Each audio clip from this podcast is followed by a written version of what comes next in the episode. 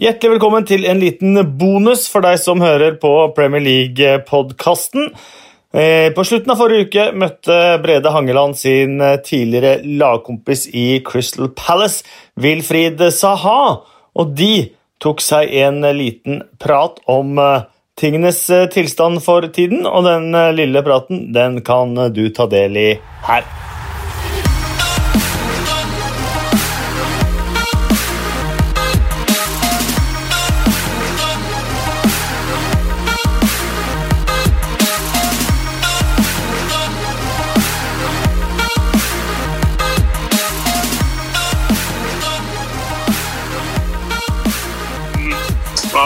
To start with uh, with telling you something I haven't really told you ever, but uh, uh, in all my time playing football, I've never seen a player with your individual ability. It was just uh, playing against you in training, especially when I was old and slow, was frightening. so when, when you come up against these um, uh, defenders in the Premier League, can you can you sometimes sense the fear in in their eyes when you when you receive the ball?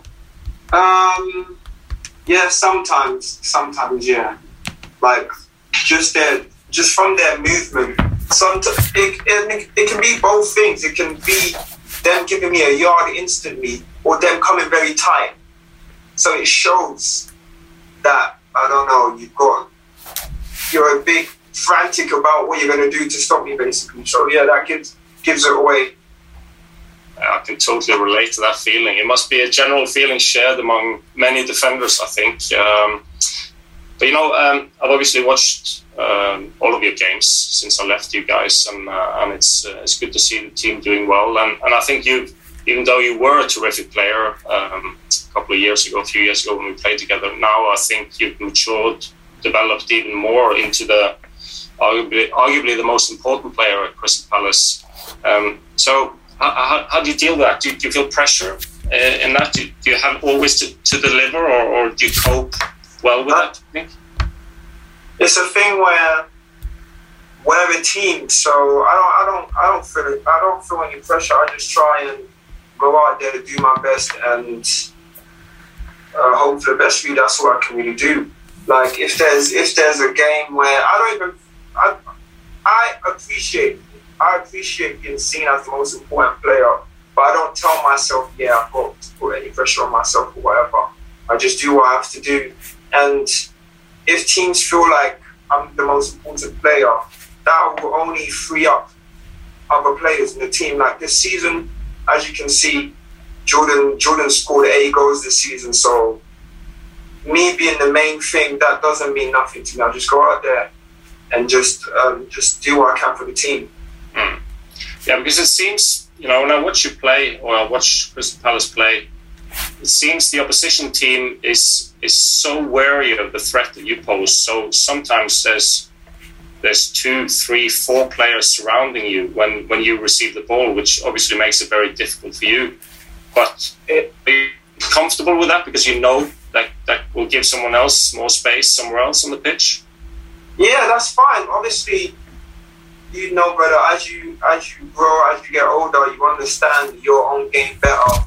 And it's a thing where I've had to I dribble a lot, but at the same time, I've had to learn to release the ball quicker. And obviously, if there if there's two, three players on me, if I can make up my mind and release it quicker, then that just helps out the team even more because that just leaves massive spaces. Mm-hmm. And so I'm I'm I'm okay for with teams putting two or three players on me because that would just free up my, my other teammates and give us more opportunities.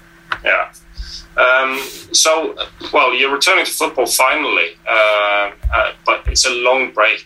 Surely the longest break you've ever had uh, in your professional career. Um, how, how, did you feel about that? Was it was it difficult? How, how did you keep motivated through 100 days of not playing Premier League football? Um, it's bizarre to be honest. It, it, it's been weird, but it's a thing where just knowing that, obviously, because we're getting little updates and stuff. Because there was a there was a period where it was just like, are we even really going back to football at all? But then over time, there was more and more updates. And me, the thing that kept me motivated is just the fact that I just want to get back on the pitch and play. And knowing that there was a date. After time, there was a date that we will be going back. There, there's progress. So that's what kept me motivated, man. Like, it's difficult sitting at home. But then when you know that there's a day you're going back to play football, yeah, just like that's fine. I'll go through whatever days to do that. Yeah.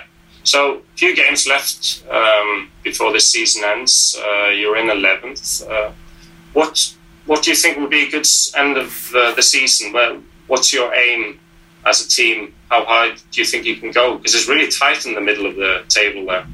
Yeah. Um, to be honest, I don't. I don't know. I don't like to say how far because I don't know. I feel like we just gotta do what we did before we we had the break. Just take every game as it comes and try to give our best performance every game. And hopefully we can go higher and higher in the table really. So I don't want to really jinx ourselves by saying, yeah, we're gonna come go into Europe and whatever, you know what I mean?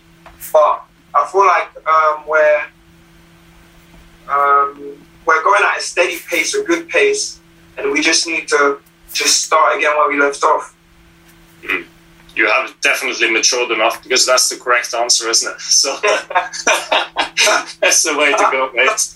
But uh, let's talk about Saturday then. You go to uh, Bournemouth. Um, I was thinking about this earlier. They're obviously struggling a little bit. They need to uh, win games. Um, they probably want to attack and it seems like the perfect game for you, doesn't it? In many ways, with uh, if they attack and then there'll be some space for you, you know, you can uh, run at them and, and use use that fantastic skill. Do you do you think the same way? Um. Well, to be honest, what's the called? That'll be obviously that will be perfect for me counter attack wise because if they wanna if if um, to attack and it's a must win must win game for them because teams teams um, are gonna want to make a statement when we come back. No one wants to no one wants to lose. You know what I mean? So that would be a perfect opportunity opportunity for me if they want to push fullbacks forward and push people forward. Then it's fine. Obviously, if we get the opportunity to counter attack and obviously Palace are known for that. Do you know what I mean? We we sit back and if we get the opportunity, we just break. So I'm looking forward to Saturday and seeing how the game goes, man. I'm just looking forward to playing and just delivering my best. I bet you'll be buzzing, mate. Listen, we look forward to seeing you as well and uh, finally kicking off the season again. Um, thanks for your time, Wilf. Say hi to all uh, all the great guys at Palace, and uh, I hope to see you in person uh, after finished. Thank you very much, brother, man. It's been nice speaking to you. And yeah, I will let everyone know. Take care, buddy. Thanks. Cheers.